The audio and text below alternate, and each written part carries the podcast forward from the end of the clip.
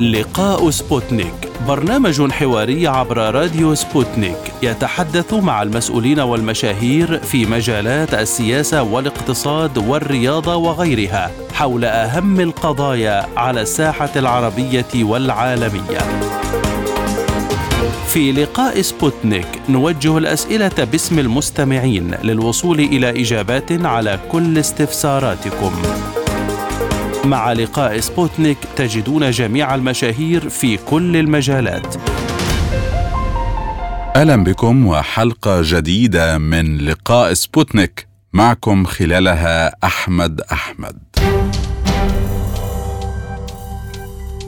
بعد الغزو الأمريكي للعراق عام 2003 أصدر الحاكم المدني للبلاد بول بريمر قرارا بحل الجيش العراقي وإعادة تشكيله من جديد وتتنوع موارد تسليح الجيش العراقي لكن أغلبها يأتي من الولايات المتحدة وفي السنوات الأخيرة وخاصة مع ظهور ما يعرف بتنظيم داعش في العراق ومحاربة هذا التنظيم الإرهابي ظهرت جماعات مسلحة موازية أهمها جماعة الحشد الشعبي التي شاركت في الحرب ضد هذا التنظيم والقضاء عليه وظهرت أيضا فصائل أخرى مسلحة تتبع جماعات واحزابا سياسية في البلاد حيث يوجد لدى التيار الصدري مجموعات مسلحة كما هو الحال بالنسبة للإطار التنسيقي وهما أكبر قوتين سياسيتين في البلاد. ما يطرح الكثير من الأسئلة حول مكونات القوات المسلحة العراقية وهذه الجماعات المسلحة وحول تأثيرها على الدولة العراقية. في لقاء سبوتنيك معنا الفريق الركن. عبد الكريم خلف الخبير العسكري والمتحدث السابق باسم القوات المسلحة العراقية. نتحدث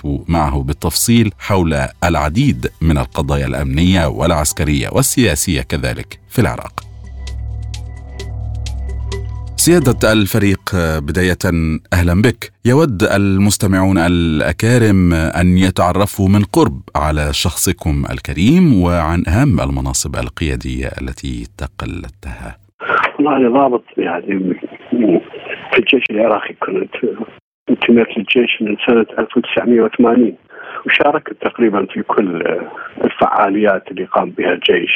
في الحروب يعني اللي دارت من عام 80 ولغاية عام 2022 وعملت أيضا في وزارة الداخلية بعد 2003 إلى غاية 2011 وأيضا يعني كان وضع الإرهاب ووضع استهداف الدولة والبنى التحتية والناس.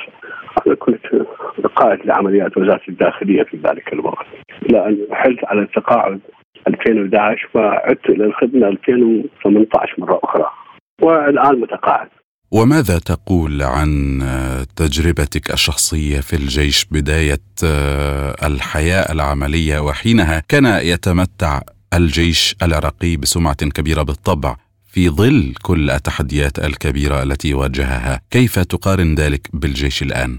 الفارق طبعا إحنا في مطلع الثمانينات كان يعني لدينا جيش فيه آه، تم بناء على أساس يعني التوزيع الجغرافي يعني في العراق مناطق جبلية مناطق صحراوية مناطق مياه مثل الأهوار وأيضا يعني ساحل بحري طول 58 ميل تقريبا. على هالأساس تم بناء الجيش. يعني لدينا كان فرق مدرعة فرق آلية وأيضا مشاة ومشاة جبلي ووسائل اسناد كافية قوة جوية. من أكثر من 500 طائرة مختلفة. معظم تسليحنا كان روسي.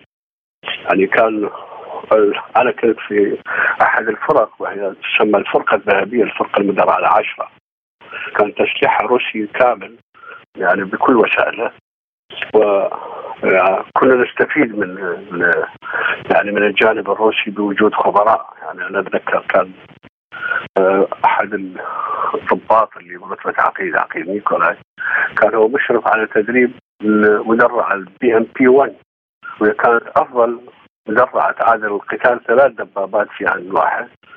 وهي آه، كان هناك تسليح واسع آه، بالمدرعة BMP 1 للجيش العراقي والفرقه المدرعة العاشرة، الفرقة الآلية الأولى، الفرقة المدرعة السادسة. وكان لدينا أيضا آه، وسائل اسناد متطورة جدا يعني. في ذلك الوقت أقصد يعني مو الآن. يعني هي كانت تعادل تعادل الآن في تسليح الجيل الرابع أو الثالث من الأسلحة على مستوى جيوش المنطقة. لهذا كان هو جيش قادر أن يعني يؤدي أغراض الدفاع وأيضا يأمن حدود البلد وأجواءه. يعني من ناحية الدفاع الجوي والقدرات اللي يمتلكها كانت عالية جدا إيش كانت يعني الميزانية المخصصة للقوات المسلحة كانت ميزانية ضخمة كبيرة يعني لغطي احتياجات الأمن والدفاع بالنسبة للجيش العراقي. في الفترة الوسيطة لخدمتكم سيادة الفريق كيف تقيم فترة الانضواء ضمن قطاع الشرطة خاصة في فترة حرجة كان يمر بها العراق بعد الغزو الأمريكي؟ أنا الحقيقة كان عرض علي أعود لوزارة الدفاع. وفي وقتها كان في 2004 يعني عندما أجريت مقابلة كان هناك ضابط أمريكي شعرت يعني أن هذا الضابط خلال المقابلة طرح علينا فكرة أن يكونون الضباط ضباط صف وضباط الصف يكونون ضباط بالعكس يعني. فقلت له هذه وسيلة لتدمير الجيش يعني هذا ما موجود بكل العالم وانسحبت من من الجيش. عندما عرض علي العودة إلى وزارة الداخلية شعرت أنني ممكن أن أقدم شيء لوزارة الداخلية لأنها تحت سلطة قاضي وليس تحت سلطة أمريكي. لهذا قبلت أعود لوزارة الداخلية وكان لي الشرف بتأسيس غرفة عمليات وزارة الداخلية في وكالة الوزارة لشؤون المحافظات في وقتها. لأن كان هناك انقطاع تام بأجهزة الاتصالات وعدم وجود سيطرة على الواقع الأمني. يعني كانت كان الموضوع موضوع أمني بحت وهو يعني داخل المدن العراقية وبين المدنيين وهناك تضحيات كبيرة. سلطة القرار كانت لا تستطيع أن تصل إلى المعلومات في المحافظات. ولهذا استخدمت خبرتي في إدارة العمليات اللي كانت في الجيش. أنا كنت يعني أعمل في غرف العمليات بمستوى لواء وفرقة وفيلق فكان لدي هذه الخبرة. وظفتها في وزارة الداخلية. وعملنا غرفة عمليات متكاملة.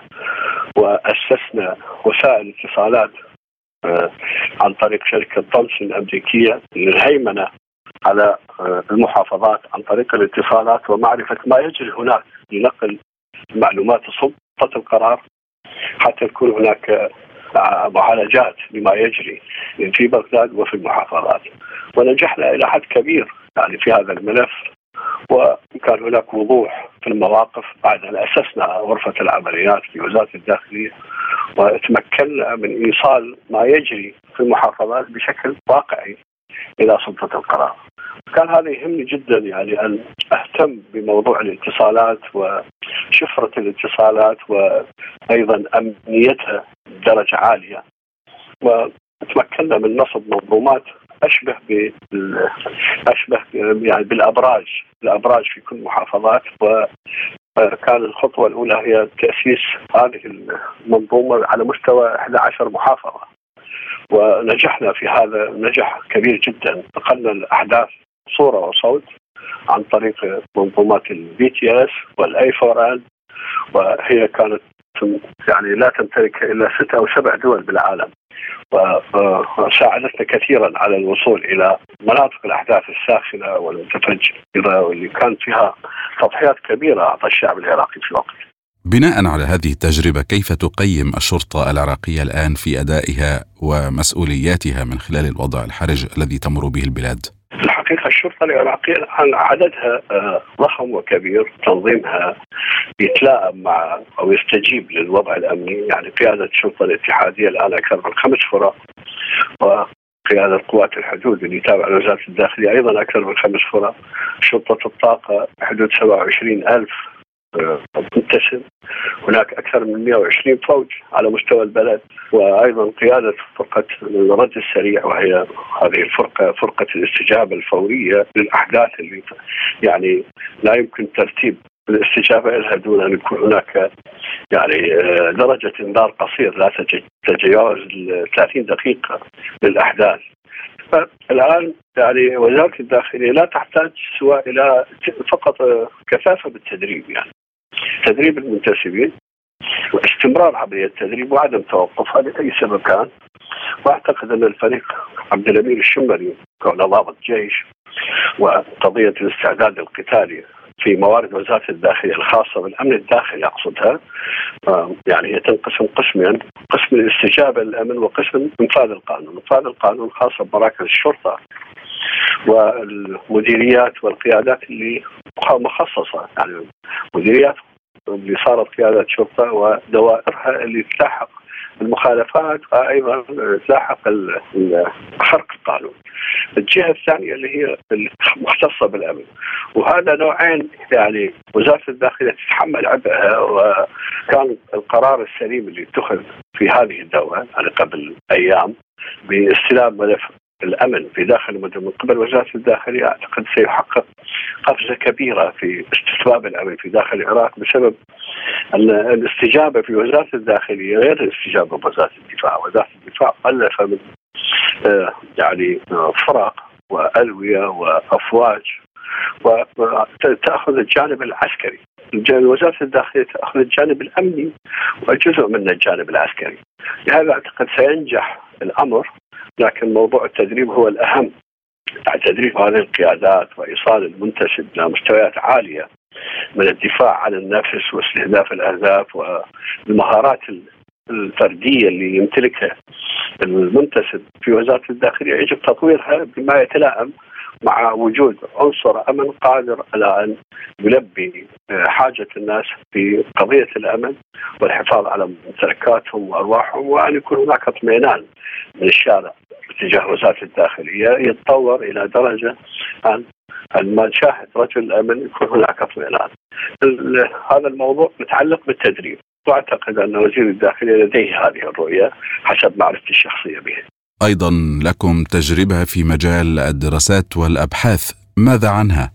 أنا بالحقيقة يعني في كل رحلتي خلال الفترة الماضية يعني خاصة بعد يعني 2011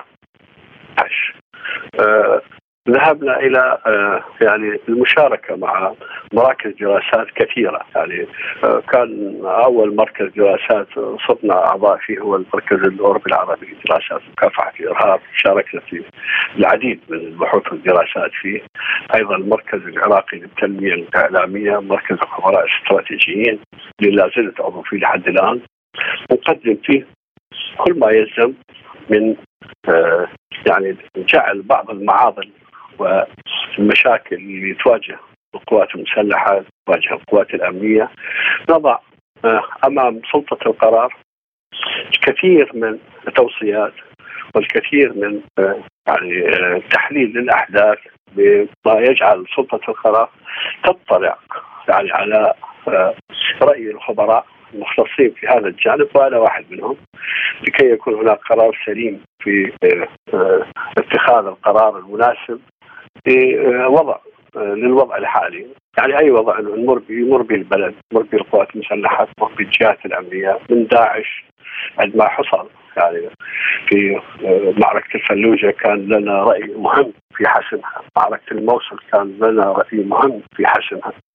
وبسبب يعني معرفتنا بجغرافية الأرض وأيضا معرفتنا الكاملة بتفاصيل ما يجري هناك وكيفية معالجتها. عكس الرؤية الأمريكية اللي كانت دائما تعالج الأمور بالقوة وبإمكانيات ضخمة من الضربات الجوية وما إلى ذلك كان لنا وجهه نظر أخرى في معالجة الأوضاع بناء على ما نعرفه وندركه ومن خلال وجودنا في على الساحة العراقية كضباط يعني لنا قراءة خاصة في معالجة الأوضاع وخاصة وأن سكان المدن العراقية التي عملنا فيها من الشمال إلى الجنوب ومن الشرق إلى الغرب نعرف كيفية وطبيعة التعامل مع السكان في قضية الأمن بشكل مهني بشكل يجعل من النتائج مرضية بأقل تكلفة من الخسائر المادية والبشرية للطرفين ونجحنا في هذا. بالنسبة لقوات الحشد الشعبي هل دخلت بالفعل ضمن الجيش العراقي؟ الحشد الشعبي بسبب آه، انتشاره الواسع على مساحات ومسافات واسعة على الأرض العراقية ودخل معارك عديدة كان هناك تنسيق كان الحشد الشعبي يحتاج إلى قضية الإسناد والإسناد خاصة الإسناد الثقيل اللي هو من القوى الجوية من طيران الجيش من المدفعية من بعض وسائل الإسناد البعيدة. والنقل كان الجيش يقدم هذه المساعده للحشد الشعبي. ولكن الحشد الشعبي لديه موارد في الميدان أيضا مهمة جدا وتمكن من الانتصار في جميع المعارك. ولهذا أعطى الحشد الشعبي خسائر. وشهداء وجرحى بأعداد كبيرة. ولكنه الآن كجزء من المنظومة الدفاعية آه، المنظومة الدفاعية العراقية الآن مقسمه إلى قيادات عمليات. وقيادات عمليات في الحشد أيضا موجودة قيادة عمليات. تنسيقها في الواقع على الأرض لقيادة العمليات التي تنتمي للجيش وقيادة العمليات التي تنتمي للحشد الشعبي. هو الحقيقة تنسيق يأتي على آه، طريقة آه، القوات المتجاورة التي تستفيد من موارد بعضها البعض. وهناك تجانس كبير جدا بين قيادات العمليات هذه تحت إمرة وسلطة قيادة العمليات المشتركة التي تتبع إلى رئيس الوزراء. هذا التنسيق موجود في على المستوى الرئيسي على المستوى يعني على المستوى العمليات العليا، التقنيات الحالية في ترتيب أوضاع التنسيق ما بين الحشد الشعبي وما بين الجيش العراقي تكاد تكون واحدة يعني ليس هناك فروقات يعني وليس هناك تحديات. الجميع ملتزم بالسياقات التي تقرها العمليات المشتركة وخاصة وأن الحشد الشعبي موجود في نفس المناطق أو قرب المناطق التي يتواجد فيها الجيش. والمساحات موزعة جغرافيا لكل قواطع المسؤولية من الحشد الشعبي حتى تكون المسؤولية واضحة وعدم وجود تداخل بين الطرفين لا بين الجيش والحشد الشعبي هناك حدود فاصلة لكل القيادات التي تكون مسؤولة على الأرض وتستخدم مواردها الذاتية في معالجة الأزمات الأمنية. نعم وهل هناك أصوات تعرقل هذا التنسيق بأي شكل بين الحشد والجيش العراقي؟ هناك طبعا حضرتك تعرف أن للسياسه لها دور دور كبير يعني خاصة ما تبدأ انتخابات وهذه الانتخابات آه، توزع فيها مناصب مواقع وما إلى ذلك. تبدي هذه الأصوات تستهدف الحشد الشعبي في كل مرة ولكنها تختفي تختفي أو يعني تخفت ولا نسمع ضجيجها بعد انتهاء الصراع على آه، مواقع السلطة واستقرار أي حكومة جديدة. وهذا ما يحصل في كل دوره انتخابية، على هذا ان الحشد الشعبي حتى في المواقع الغرب في المناطق الغربية آه، كثير من أهالي المناطق الغربية وغالبيه منهم لا يريدون مغادرة الحشد الشعبي لشعورهم أن الحشد الشعبي في هذه المناطق هو من أبنائهم يعني وليس من أبناء الجنوب أو مناطق أخرى. يعني الآن هناك أكثر من 60 ألف مقاتل في الحشد الشعبي هم من المناطق الغربية والشمالية وهناك حشد شعبي من التركمان وهناك حشد شعبي من الأيزيديين وهناك حشد شعبي من الشبك المناطق هذه ضمن المناطق والمسيحيين أيضا يعني موجودة في بابليون وآخرين. اذا هي موزعة على مناطق جغرافية من أبناء المناطق. لهذا هناك مقبولية للحشد يعني في كل المواقع في كل المناطق بسبب وجود أبنائهم لحماية مناطقهم. وهذا أيضا مؤشر طيب وجيد في الظروف الحالية. آه، يعني آه، إذا إذا تم تطويره بشكل أكبر.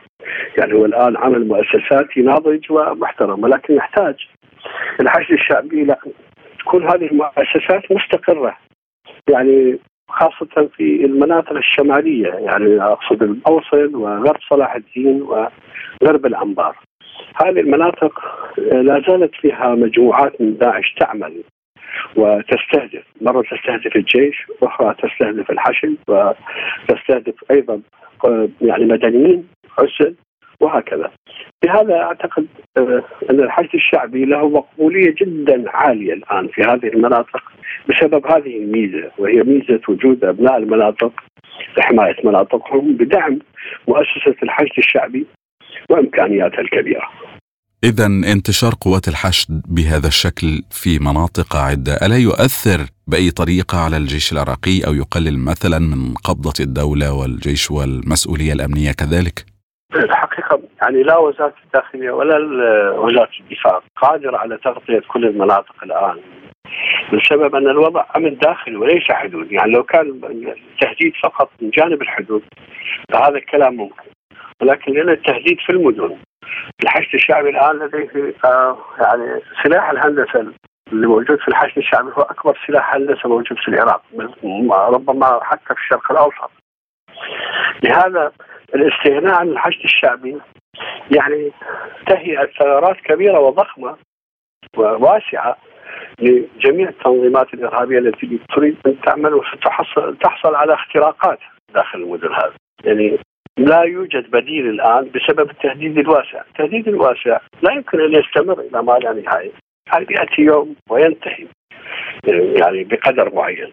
لهذا الآن الحديث عن يعني الاستغناء عن الحشد الشعبي أو إمكانية تغطية وزارة الدفاع لهذه الأماكن أمر صعب يعني صعب للغاية. لأنها مناطق في محيط المدن وفي مداخل المدن جميعا تقريبا.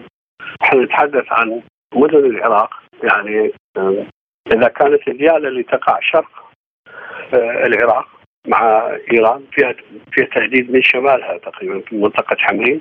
وإذا كانت في الأنبار المناطق الغربية اللي تمثل ثلث العراق مساحه يعني إذا كانت في الموصل آه، غرب الموصل إذا كانت في محيط صلاح الدين إذا كانت في جنوب كركوك وسط العراق. اذا الحشد موجود في هذه المناطق. للتغطية ومساعدة القوات المسلحة في تأمين المدن جميعا والطرق. يعني ابقاء الطرق مفتوحة. الآن آه، يعني جزء كبير منه هو يقع على مسؤولية الحشد الشعبي. مداخل المدن وحمايتها أيضا هو جزء كبير منها يقع مسؤولية على الحشد الشعبي. هذا الاستغناء عن الحشد الشعبي هو تأمين ثغرات واسعة لا يمكن التكهن بنتائجه وفيما يتعلق بسلاح الحشد من أين يأتي؟ هناك من يقول إن الأسلحة تأتي من إيران وإذا كان هذا بالفعل فإلى أين يتجه ولائهم الأكبر؟ ابدا يعني هو في زمن الدكتور العبادي كان هناك استيرادات يعني قدمت طلبات للجانب الأمريكي لإسناد القوات المسلحة بالأسلحة والقوات اللي شكلت حديثا بعد حزيران 2014 عندما أصدر سماحه المرجله على السيد السيستاني القرار الفتوى الشهيرة كان السلاح خرج من دور العراقيين من البيوت يعني. العراقيين طبيعة الشعب مسلح شعب آه، يعني في ذلك الوقت يمتلك أكثر من 9 مليون قطعة سلاح. ولهذا ما كان أكو مشكلة بالسلاح الخفيف، المشكلة كانت بوسائل الإسناد اللي آه، تأمنها الدولة. الدولة في ذاك الوقت كان معظم تسليح حياتها عن طريق الأمريكان. الأمريكان اعتذروا عن مساعدة الدولة بسبب البيروقراطية. يعني قالوا نحتاج إلى وقت حتى نسلح أو نأمن طلبات السلاح. لهذا كانت إيران خلال 72 ساعة أرسلت ما أذكر رسالة من مخازن أسلحة الجيش الإيراني للجيش العراقي وللحشد الشعبي. هذا كان وأيضا حتى لاربيل في وقت اربيل كانت أيضا مهدده وفيها مشاكل أمنية وداعش وصلت إلى منطقة يعني جسر الخازر اللي هو الحد الفاصله ما بين الموصل واربيل وهددت منطقة طوبزاوه التي تتواجد فيها قيادة المنطقة الأولى للحدود. وكان يعني عمل صعب جدا. داعش موجود على الأبواب، امكانيه اربيل لا تسمح بدفاع اربيل بشكل فعال اذا لم تكن هناك أسلحة وتجهيزات قادرة على دحر داعش. لهذا دخلت إيران كحليف موثوق وأرسلت هذه الأسلحة. يعني هذا الموضوع كان يعني أنا باعتقادي أمر لا ينسى يعني المساعده الإيرانية جاءت في وقتها وعلى الفور وبشكل سريع جدا هذا الأمر جاء من حليف يعني والآن نلاحظ ان الأمريكان والأوروبيين يغرقون أوكرانيا بالأسلحة برا وجوا وكل الأنواع ولا أحد يتحدث لما لم يساعدنا أحد في وقتها في 2014 آه، عدا إيران كانت استجابتها فورية وسريعة. من هذا الباب يعني يجب أن يفهم الناس أن إيران هي دولة حليفة قدمت المساعدة في الوقت المناسب. هناك مجموعات عدة مسلحة تتبع فصائل عراقية كثيرة، كيف هو شكل هذه المجموعات ومن أين يأتي سلاحها أيضا؟ هي كانت يعني في البدء في عام 2014 آه، هذه الفصائل حمت بغداد يعني. حملت نطاق دفاعي حول بغداد في الأيام الأولى انتشر أكثر من 12 ألف مسلح في محيط بغداد لحماية المدينة. وكانت مهددة المدينة كانت داعش يعني آه، كان قذائف الهاون عيار 60 ملم لمدى 1690 متر كانت تصل إلى مدينة الشعلة. والمطار كان مهدد مطار بغداد. لهذا كانت هذه الفصائل لها فضل كبير في إيقاف تقدم داعش وتراجعه وتمكنت من أخذ مواقع دفاعية في وقت انهار فيه الجيش كما تعلم. يعني أكثر من أربع فرق كان لدينا الفرقة الثانية والثالثة والرابعة من الجيش في الشمال انهارت.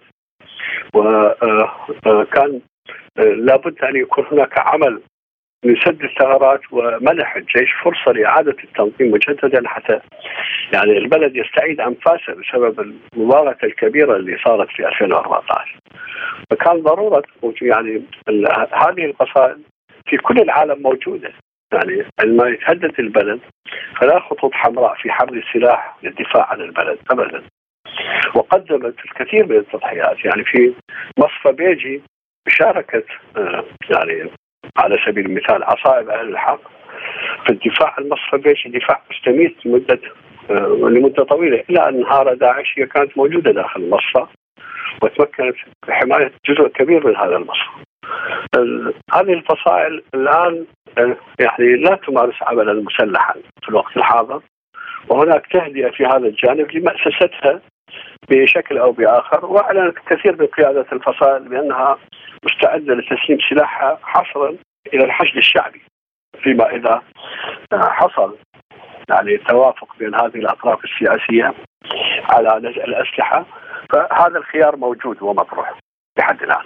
والآن مستمعينا الكرام إلى نشرة إخبارية مع الزميل عبد الله حميد.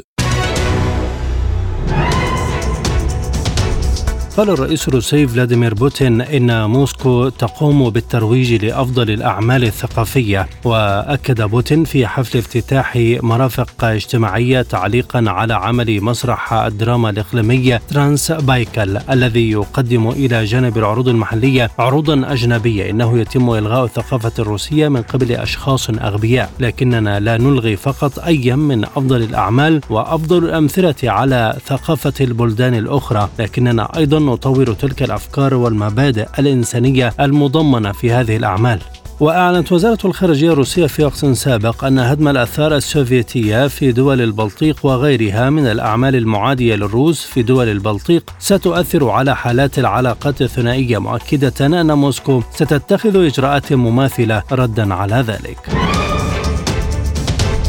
صرح مدير منع الانتشار والسيطرة على الأسلحة في الخارجية الروسية فلاديمير يرامكوف بأن الأقمار الصناعية شبه المدنية المستخدمة في أوكرانيا يمكن أن تصبح هدفا مشروعا للقوات الروسية. وقال يرماكوف إن الدول الغربية تستخدم إمكانات البنية التحتية الفضائية المدنية من أجل دعم عمليات القوات الأوكرانية وبمساعدتها يتم تنفيذ مهام قتالية محددة للكشف عن المواقع ومسارات تحركات وأعمال القوات الروسية وأشار إلى أن مثل هذا الاستخدام الاستفزازي للاقمار الصناعية المدنية يثير على الأقل تساؤلات في سياق معاهدة الفضاء الخارجيه التي تعني استخدامها السلمي فقط ويتطلب أشد الإدانة من قبل المجتمع الدولي.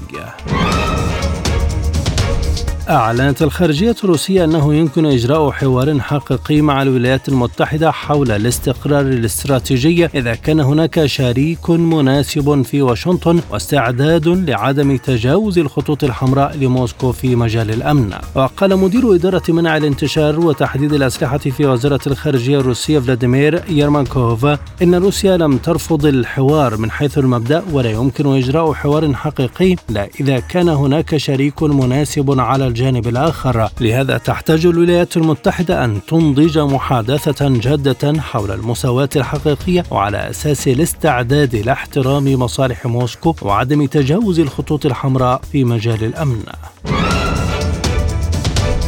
دعا وزير الخارجية المجري بيتر سيارتو في اجتماع لوزراء خارجية الناتو في بوخارست دول الحلف للحفاظ على قنوات الاتصال مع روسيا. وقال سيارتو إن مصاعب فترة الشتاء القادمة تزيد من أهمية تحقيق السلام ومن الضروري وقف كل تلك العوامل التي قد تؤدي إلى التصعيد. هذا هو السبب في أنه من المستحيل حجب قنوات الاتصال ومن الضروري الحفاظ على إمكانية التواصل الاستراتيجي على الأقل مع روسيا. وفي وقت سابق أعرب سيارتو عن أسفه لأنه كان الممثل الوحيد للاتحاد الأوروبي الذي التقى بوزير الخارجية الروسي سيرجي لافروف على هامش اجتماعات الجمعية العامة للأمم المتحدة.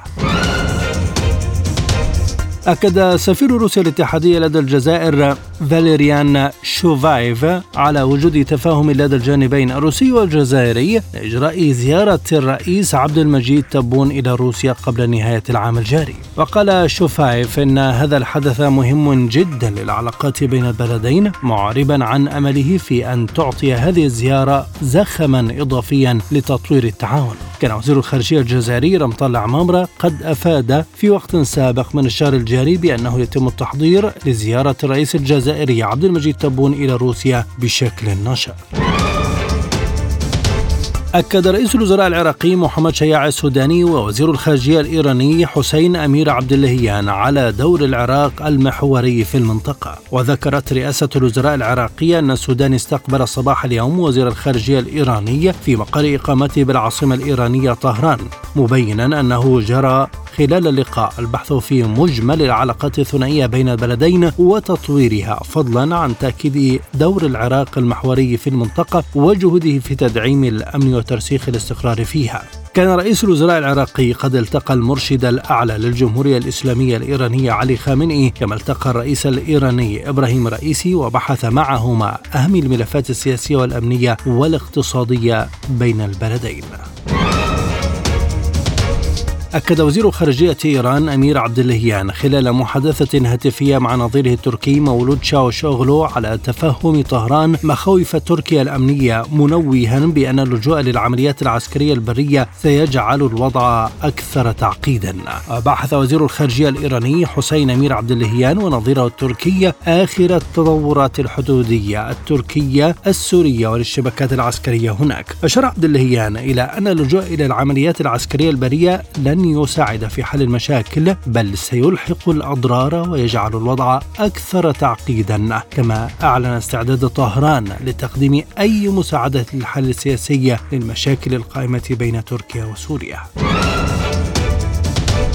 طالبت إيران بضرورة أن يدين مجلس الأمن الدولي العدوان الإسرائيلي وهجماته الإرهابية على سوريا. وقال مندوب إيران لدى الأمم المتحدة أمير سعيد إيرواني أن ممارسات الكيان الصهيوني في انتهاكه المتكرر لسيادة سوريا ووحدة أراضيها واستهدافه للأشخاص والبنية التحتية المدنية خاصة الهجمات على المطارات والسفن الحاملة للمساعدات الإنسانية انتهاكا للقانون الدولي وميثاق الأمم المتحدة مؤكدا حق سوريا المشروع في الدفاع الدفاع عن نفسها وفق المواثيق الدولية.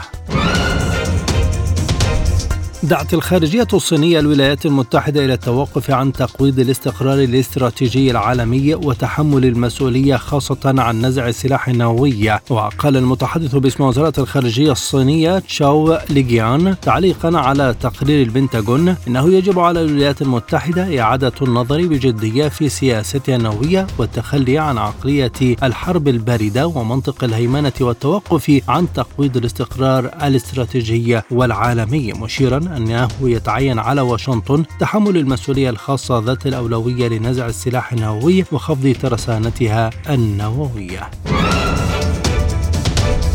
نذهب إلى أهم أخبار الاقتصاد حيث أعلنت النرويج أنها لن تصدر تراخيص خارجية لتطوير حقول النفط والغاز لمدة ثلاث سنوات وهو ما يتعارض مع وعودها لمساعدة أوروبا في التعامل مع أزمة الطاقة. وأوضحت صحيفة فاينانشال تايمز أن ذلك يأتي في إطار صفقة سياسية داخلية بين الحكومة واليسار لتمرير ميزانية الدولة. ووفقا للصحيفة فإن الجولة السادسة والعشرين لمنح التراخيص التي التي تمنح الحق في تطوير الجرف القاري للبلاد في مناطق البلاد التي يقع الكثير منها في القطب الشمالي. لن تتم أثناء انعقاد البرلمان الحالي التي تنتهي ولايته في سبتمبر 2025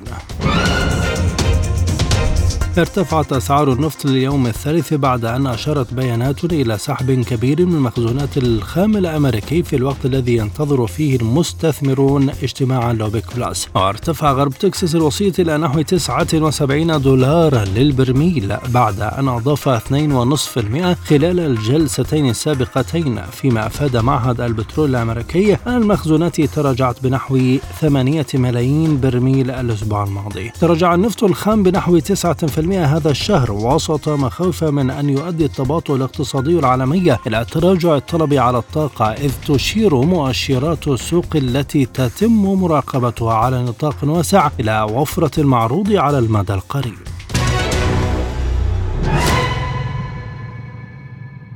أهلا بكم مستمعينا الكرام مرة أخرى في لقاء سبوتنيك ونكمل الحديث اذا مع الفريق الركن عبد الكريم خلف الخبير العسكري والاستراتيجي والمتحدث السابق باسم القوات المسلحة العراقية. سيادة الفريق فيما يتعلق بالجيش العراقي ماذا عن تسليحه ومن أين يأتي؟ وهل هناك أي مشكلة في توفير السلاح؟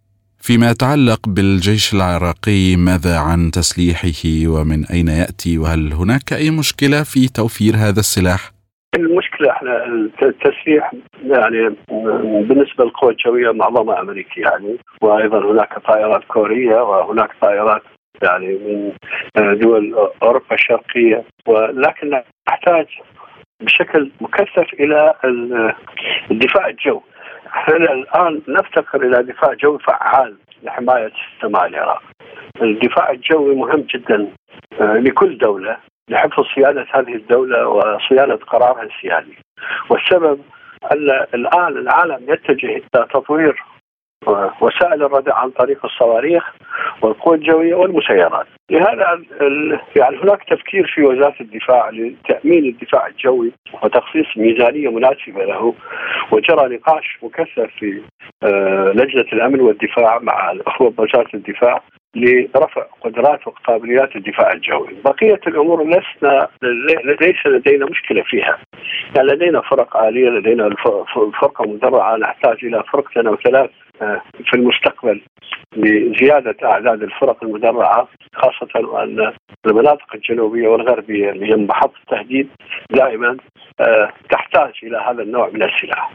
ويعني نصيحتي أن الاتجاه شرقا بالتسليح للعودة إلى تسليح يعني آه، بمستوى عالي بسبب وجود يعني تأريخ طويل من هذا التسليح والقواعد المادية والقدرات البشرية في عام 2017 و2018 كان هناك توجه لدعم الدفاع الجوي بمنظومات 300 و400 والجانب الروسي يعني وافق على هذا ولكن حصلت عرقلة يعني جزء منها مادي وجزء منها آخر. يعني كان هناك يعني آه، اعتراض أمريكي على هذه الأسلحة. وتاجلت الصفقة. أعتقد الدفاع الجوي الان في العراق مطلب مطلب مهم مطلب مهم للقوات المسلحة.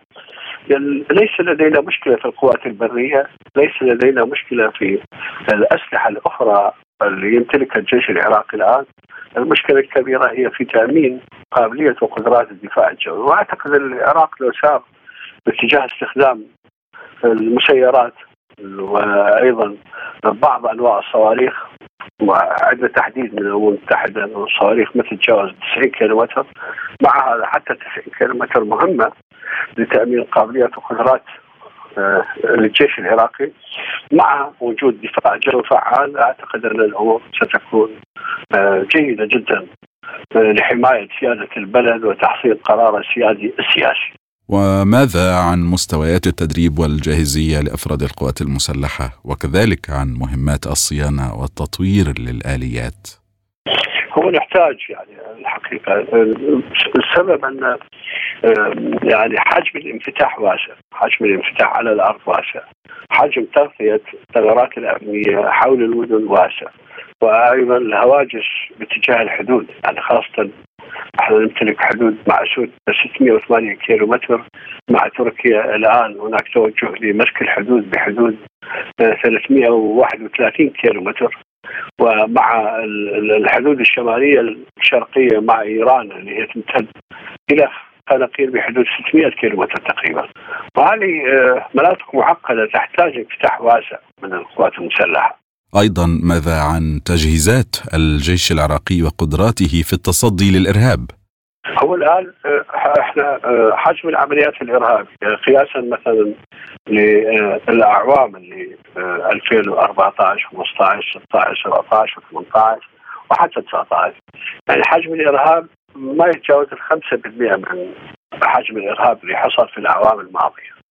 لهذا الجيش العراقي والقوات الاخرى قادر على تأمين البلد الآن بمواردها الذاتيه وقادر على سحق هذه المجموعات، هذه المجموعات الآن تحمل مجموعات صغيرة متنقلة متخفية تستخدم يعني الأراضي غير المأهوله في التخفي وخاصة المناطق الصعبة مثل المناطق الجبلية كحمرين مثلا وبعض المناطق الجبلية الأخرى والصحراء. الواسعة. آه، التهديد الامني يكاد يكون يعني الآن آه، بمستوى آه، مناطق الانفتاح المؤهلة للتصدي لهذا ونلاحظ شوف طرق مفتوحة الحوادث قليلة جدا. يعني في كل شهر حادث أو حادثين أو لا يوجد. آه الإرهاب الآن هو في يعني آه يعني في تناقص مستمر. مشكلتنا الكبيرة في التهديد الذي يأتي من التي فيها فراغ أمني في مناطق شمال سوريا مثلا وكيف هو شكل التعاون الحالي بين القوات العراقية والجيش الأمريكي؟ يعني الأمريكان الآن بعد اللي حصل في في حادثة المطار اخذ دورهم يتراجع يعني في داخل العراق يعني دولة حليفة تعتبر نفسها استخدمت أجواء العراق لقتل آه، عشرة من اثنين منهم قادة كبار ومرافقيهم وباستخدام باستخدام التسهيلات آه، اللي تقدمها لها الدولة العراقية. وكان هذا حادث يعني نوع من أنواع الإرهاب إرهاب الدولة المفضوح اللي لا يمكن أن يقوم بحليف غير حليف متغطرس فاقد شرف التحالف. يعني هذا أمر مخزي كان. ولهذا حصل ردة فعل شعبية وردة فعل سياسية وبدأت تراجع الآن هم يمتلكون مستشارين. يعني أعدادهم غير معروفة ولكنها هي أعداد يعني محددة في أماكن محددة. ويجري الآن في كل وقت في كل ستة أشهر أو أكثر أو أقل يجري إعادة قراءة. للدور الأمريكي ووجود مستشاري هنا ومدى حاجة الدولة لهم. الوجود الأمريكي الحالي في العراق ما شكله؟ وماذا عن القواعد الأمريكية من حيث التسليح والقوات والمهام؟ هو فقط استشاري يعني هو تحول يعني الآن آه، آه، ناتو لديه مكتب في بغداد وهو يقوم بمهمة الاستشارة وقضايا التدريب وما إلى ذلك. يعني حاجة القوات المسلحه فقط أنا قلت. هو للاستشاره للتدريب وأيضا إدامة الأسلحة اللي موجودة في داخل العراق من قبل. الجهات التي استورد منها العراق وهي ملزم موجب العقود بإدامة هذه الأسلحة. لا نحتاج إلى عمليات، لا نحتاج إلى آه، يعني وجود أمريكي مسلح في داخل العراق الآن، لدينا ما يكفي. من المنظومات الدفاعية القادرة على الاستجابة في الشمال لدينا الجيش مرقة في في في, في بقية مدن العراق لدينا الجيش العراقي وهو يمتلك قدرات وإمكانيات مهمة وكبيرة ولدينا الحشد الشعبي يساند الجيش في قضايا الانفتاح على الأرض ووزارة الداخلية الآن تمكنت من تحرير آه، آه، كثير من آه، قوات الجيش العراقي في قضايا الأمن الداخلي حتى يتفرغ إلى مهامه في حماية البلد. وهذه خطوة جيدة أن يعني تقوم وزاره الداخلية بهذا الدور حتى نزيد من قدرات الجيش في معسكرات خارج المدن حتى تأمن البلد كقوات مسلحة. فما نحتاج إلى وجود أمريكي. ما يحدث على الحدود كيف تراه سيادة الفريق ومسألة التنسيق بين القوات العراقية وأقليم كردستان على الحدود مع إيران وتركيا الآن التنسيق جيد جدا يعني إحنا عندنا قيادة المنطقة الأولى آه، تمسك 80 كيلومتر من منطقة مخفر النهر باتجاه الحدود التركية وتريد زيادة الرقم إلى بقية مناطق الحدود. البيشمركه راح يكون الخط الثاني بالحدود لدعم آه، قيادة قوات الحدود وراح يكون في مناطق حيوية اللي هي مناطق ومنافذ التسلل المؤدية للاراضي العراقية، راح ينفتح البيشمركه في خلفها وأيضا في الحدود الأخرى اللي هي مع إيران تقريبا بحدود 600 كيلومتر آه، الآن ستضخ قوات جديدة مسانده اللواء اللي يمسك هذه المنطقة وحتى تخفف من عبء هذا الانفتاح الطويل وزيد من وسائل السيطرة على هذه المناطق.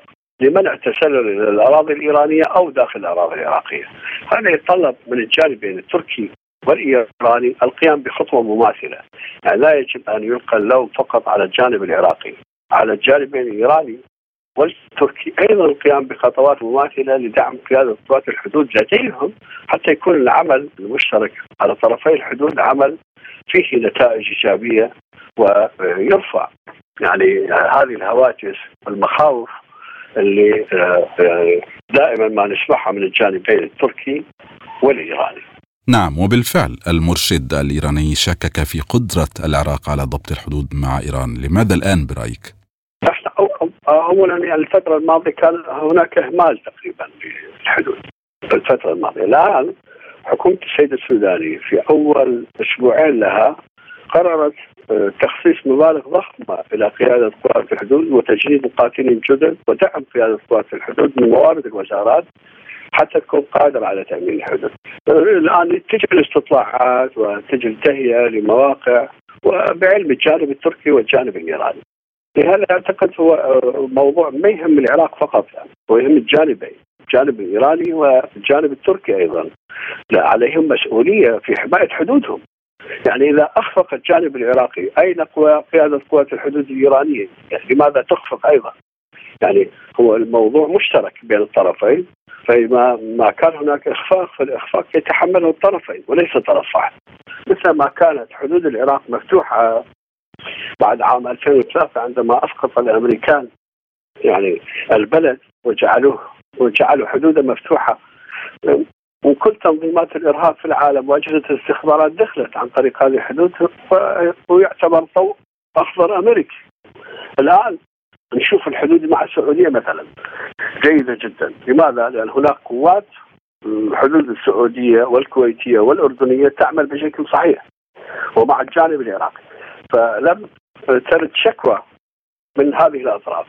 على الأطراف الأخرى يعني السورية والتركية والإيرانية أيضا تقوم بذات الدور وبجهد مشترك ما بين الطرفين حتى يكون هناك أمان في الحدود إذا هل هناك أي تأثير ملموس على الجيش العراقي بعد انسحاب القوات الأمريكية؟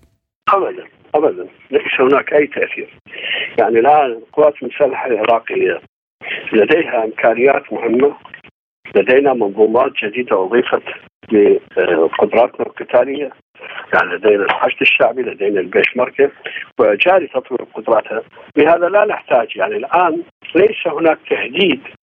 يعني مثل ما حصل في عام 2014 أكثر من مئة ألف مقاتل أجنبي يدخلون ومعظمهم انتحاريين وما إلى ذلك وتلك الموارد استولوا عليها من الجيشين العراقي والسوري. الآن هذا الموضوع غير موجود يعني.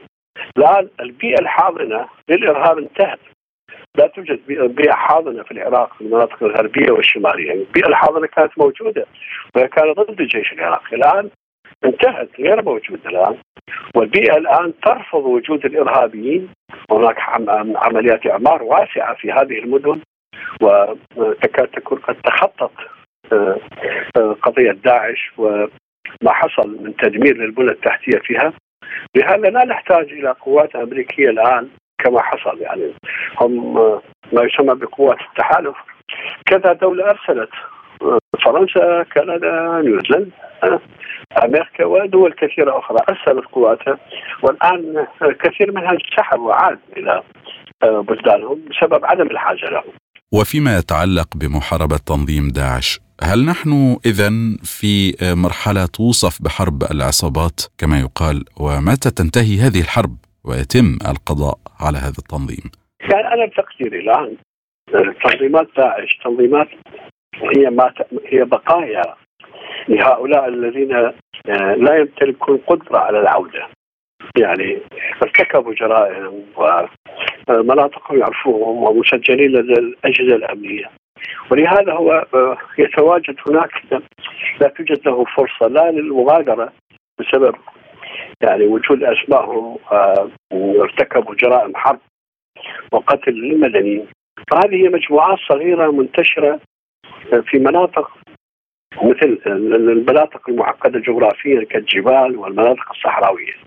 وجاري البحث عنهم ومكافحة الإرهاب يقوم بين فترة أخرى باستهداف آه، هذه المجموعات وقتلها أو أسرها أو آه، العفو أو القبض على هؤلاء لتقديم للعدالة. وهذا العمل نجح نجح في يعني على مدار الساعة يجري ولكن هي أعداد قليلة أعداد جدا قليلة وليست أعداد مؤثرة في الميدان. يعني الآن داعش ليس لديه القدرة على مهاجمة منطقة والاستيلاء عليها. هو يهاجم نقطة عسكرية من أربع أو خمس أشخاص يقطع طريق يختطف مواطن من رعاة الأغنام وهكذا فهذه حوادث أنا أعتقد هي ضمن يعني آه، ضمن إمكانيات آه، القطاعات المفتوحة على الأرض وضمن إمكانيات الوحدات إذا كانت حشد أو جيش أو شرطة ضمن إمكانياتهم. فيما يتعلق بالوضع السياسي، كيف ترونه وتحديدا الحراك في الشارع؟ إحنا الآن الحكومة الجديدة آه، برنامجها الانتخابي كان يعني جيد ومقبول من الشارع. السيد رئيس الوزراء آه، رجل ذات يد نظيفة ونزيه ومعروف بجديته. محمد الشاع السوداني لم يعترض عليه أحد وهذا أمر مهم بالنسبة لرئيس وزراء آه، تعرف أن المنظومة السياسية آه، هناك فاصل أو فجوة بينها وبين بين الناس. هو يأمل أن يعيد يعني الثقة إلى الشارع.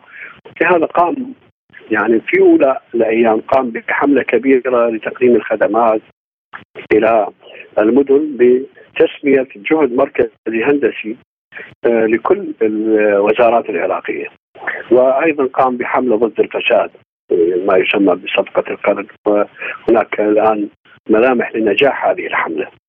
اذا يعني الحكومة الآن آه، يعني يترقب الشارع ماذا ستفعل؟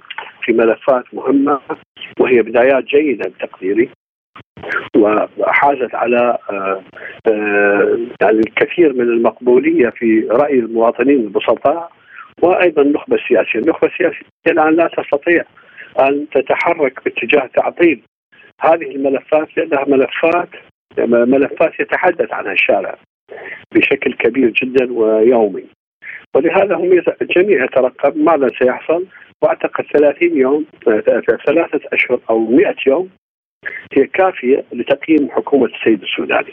وما تقييمكم لحركة الشارع من حيث فئته خاصة الشباب وأيضا القوى الحزبية والسياسية المؤثرة بتياراتها المختلفة؟ أحنا على الأخوة في التيار الصدري اللي الان يعني آه، لا نسمع يعني تقييم بما يجري وهم جزء مهم من الحراك الشعبي العراقي ولديهم قيادة صارمة في السيطرة على الشارع الصدري. البقية الان آه، تقريبا آه، متوافقون مع ما تقوم به الحكومة من أفعال والمنظومة السياسية بكاملها الآن ممثلة في الحكومة. ممثلة في البرلمان. يعني أنا قلت عدد الصدري ولهذا ما يجري من قرار من اتخاذ قرارات هو يشارك فيه الجميع. فلا يستطيع أحد القيام بانتقاد ما يجري خاصة النتائج بدأت تظهر ولكنها يعني بنسب الشارع الآن هو مرتاح لما يجري. لما يقوم به السيد السوداني ولهذا لا أعتقد أحد يجرؤ الآن على أن يقوم بعرقلة عمل الحكومة في الوقت الحاضر على الأقل. بناء على هذه المعطيات، كيف ترى سيادة الفريق العراق في المستقبل القريب سواء فيما يتعلق بهذه الحكومة أو ما يليها؟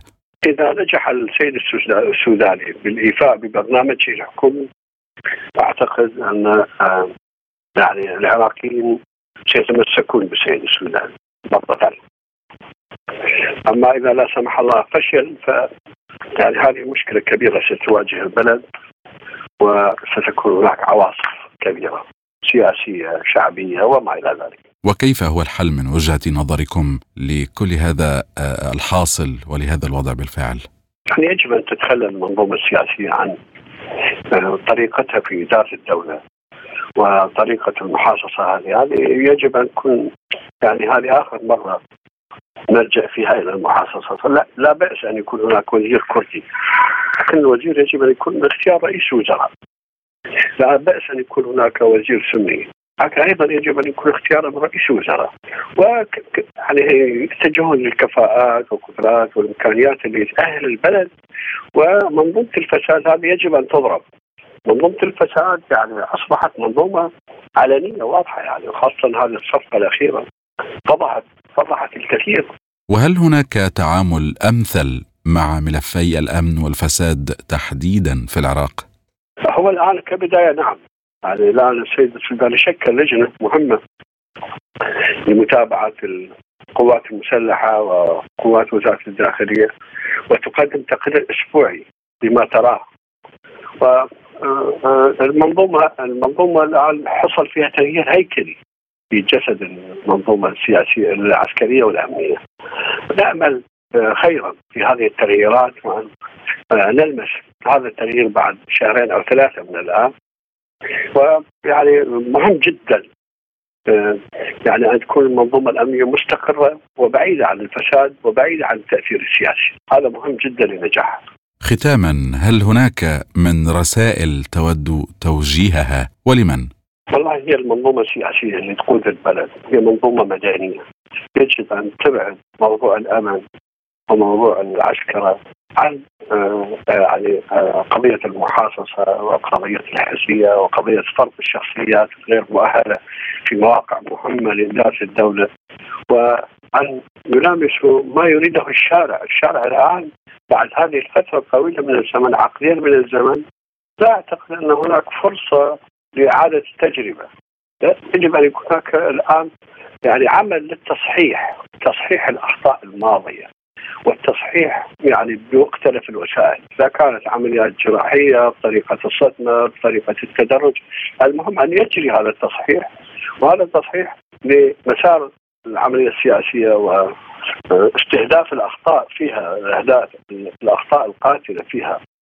التي حصلت يعني لا أعتقد أن هناك وقت إضافي ماكو وقت إضافي بعد. يعني الآن الشعب العراقي في نتائج الانتخابات ونسبة التصويت اللي هي أقل من 20% هو مؤشر كبير على أن هذه المنظومة السياسية يجب أن تراجع نفسها بشكل جدي وبشكل واضح وحذر وقوي. وأن يكون المسار مسار آه، فيه للامس الناس لإعادة الثقة بالعملية السياسيه مجددا التي تنعكس على كل حياة الناس. يعني الآن السيد السوداني لديه وفرة من الأموال لديه دعم شعبي والمنظومه السياسيه لم تضع يدها في عرقلة المشاريع أو الرؤى التي وضعها في البرنامج الحكومي فهي فرصة فرصة كبيرة للبدء بعمليات التصحيح يعني هذه العراقيين جميعا يتمنون هذا الأمر وهناك إشارات وهناك أيضا عمل يجري الآن على هذا المسار نأمل أن يستمر ويتم تقويته ودعمه حتى من المنظومه السياسيه. في نهاية هذا الحوار نتوجه بالشكر الجزيل مع سيادة الفريق الركن عبد الكريم خالف الخبير العسكري والاستراتيجي والمتحدث السابق باسم القوات المسلحة العراقية. شكرا جزيلا لك. وأيضا شكرا جزيلا لكم مستمعينا الكرام ونلقاكم دائما على خير. إلى اللقاء.